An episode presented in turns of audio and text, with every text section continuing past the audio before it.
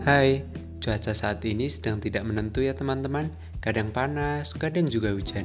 Jadi, kita harus pandai-pandai menjaga daya tahan tubuh agar tetap sehat dan fit. Dengan menjaga pola makan dan hidup sehat, juga minum madu dong pastinya. Selain enak, madu juga kaya akan vitamin, mineral, dan enzim yang lengkap sehingga sangat baik untuk tubuh kita. Kini hadir madu TJ, madu murni dalam kemasan praktis 150 ml yang cocok dibawa ke mana pun dan kapan pun.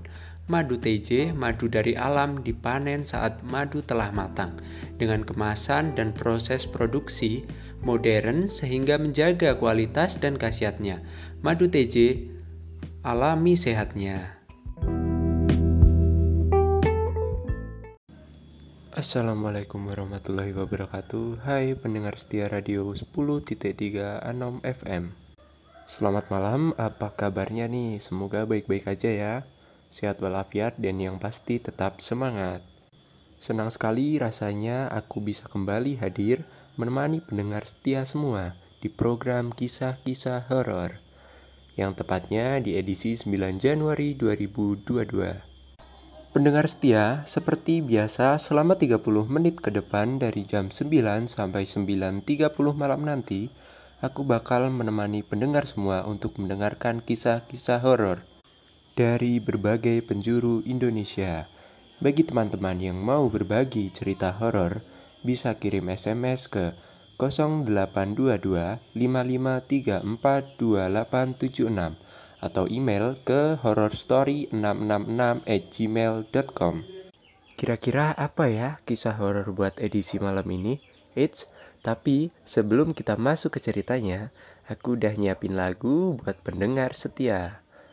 Yang pastinya lagu ini akan membawa kita masuk ke dalam suasana cerita kali ini.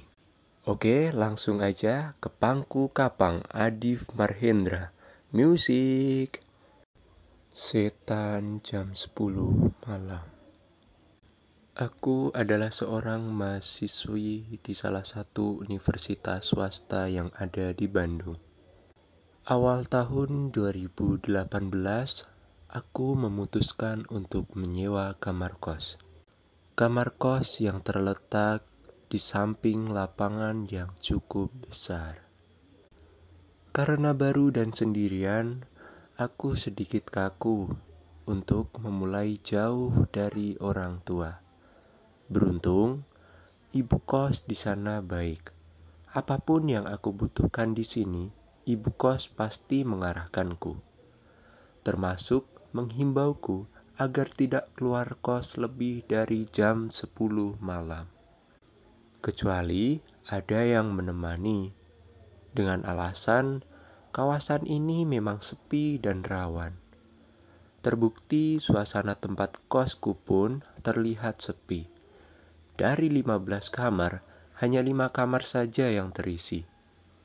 Singkat cerita, suatu malam aku disibukkan dengan tugas-tugas kuliah yang membuatku lupa waktu. Bahkan sampai aku lupa makan.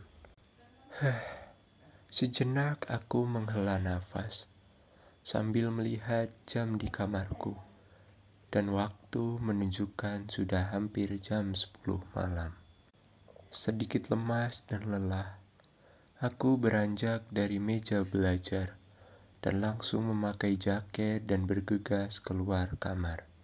Namun, baru saja beberapa langkah, tiba-tiba aku teringat bahwa tidak boleh keluar dari kos lebih dari jam 10 malam. Sejenak aku berpikir, apakah aku harus kembali ke kamar atau keluar untuk mencari makan. Karena sangat lapar, aku pun memutuskan untuk tetap keluar mencari makan. Namun, ketika aku berjalan menuju ke arah sana, benar saja kata ibu kos di daerah sini sunyi, sepi. Bahkan sebuah lapangan yang cukup luas dekat kosku pun tidak ada penerangan sama sekali. Aku pun masih lanjut berjalan. Kulihat ke sekitar hanya aku sendirian saja. Sampai Tiba-tiba aku mendengar suara yang datang dari sebelah kiriku. Dalam hatiku berkata, akhirnya aku tak sendirian lagi. Ada teman jalan juga.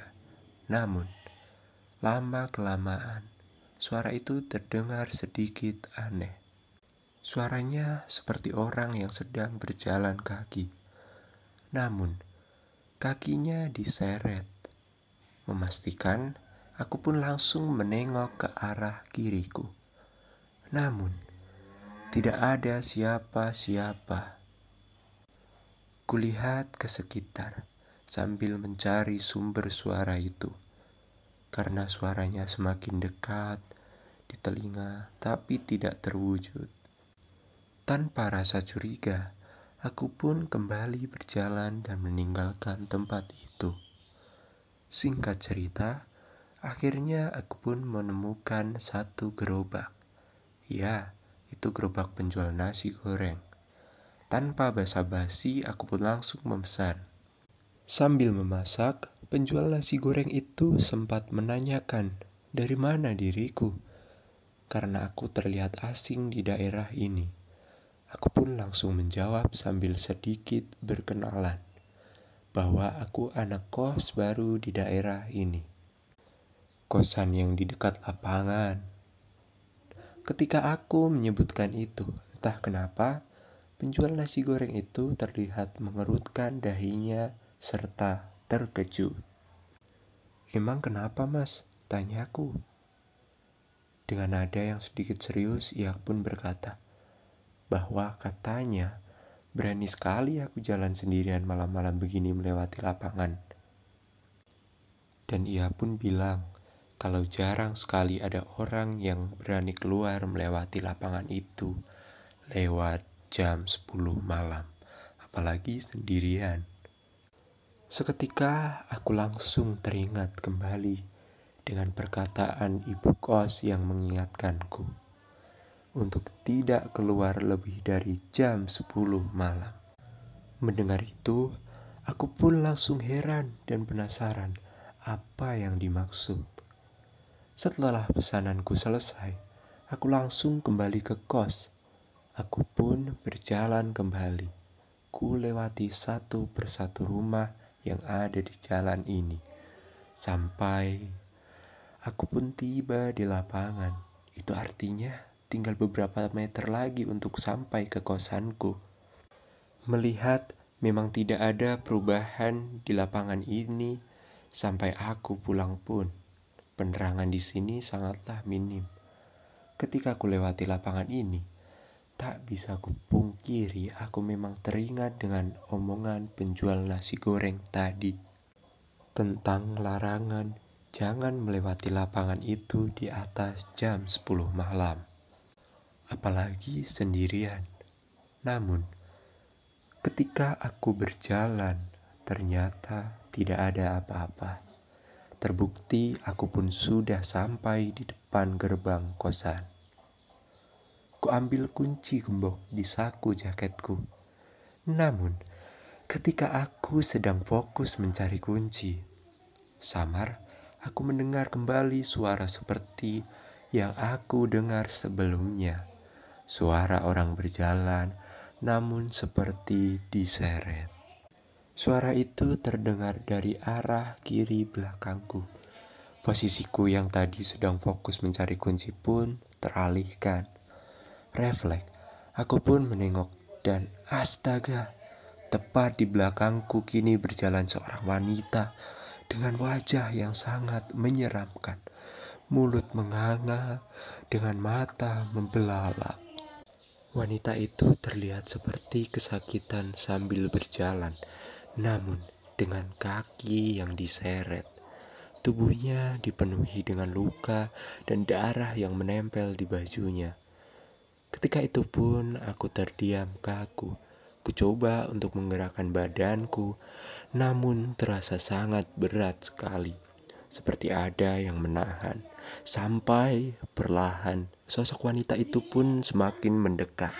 Dengan wajahnya yang menyeramkan, terus memandangiku. Tak kuat melihat itu, Aku pun hanya bisa berdoa sambil menutup kedua mataku.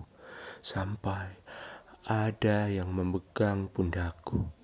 Dia seperti menarikku, dan ketika aku lihat, ternyata itu ibu kos yang menarikku masuk ke dalam gerbang. Malam itu aku benar-benar panik. Ibu kos menenangkanku dan hanya tersenyum melihatku, dan malah mengingatkanku kembali untuk mendengarkan ucapannya.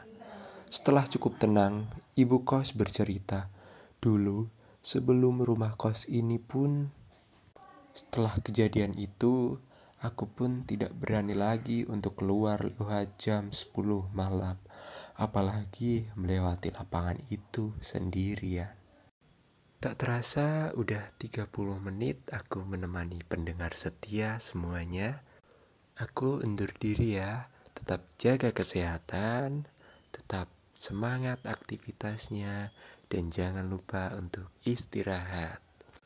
Aku Fajar dari radio frekuensi 10.3 Anom FM mengucapkan selamat malam, selamat istirahat, dan sampai jumpa.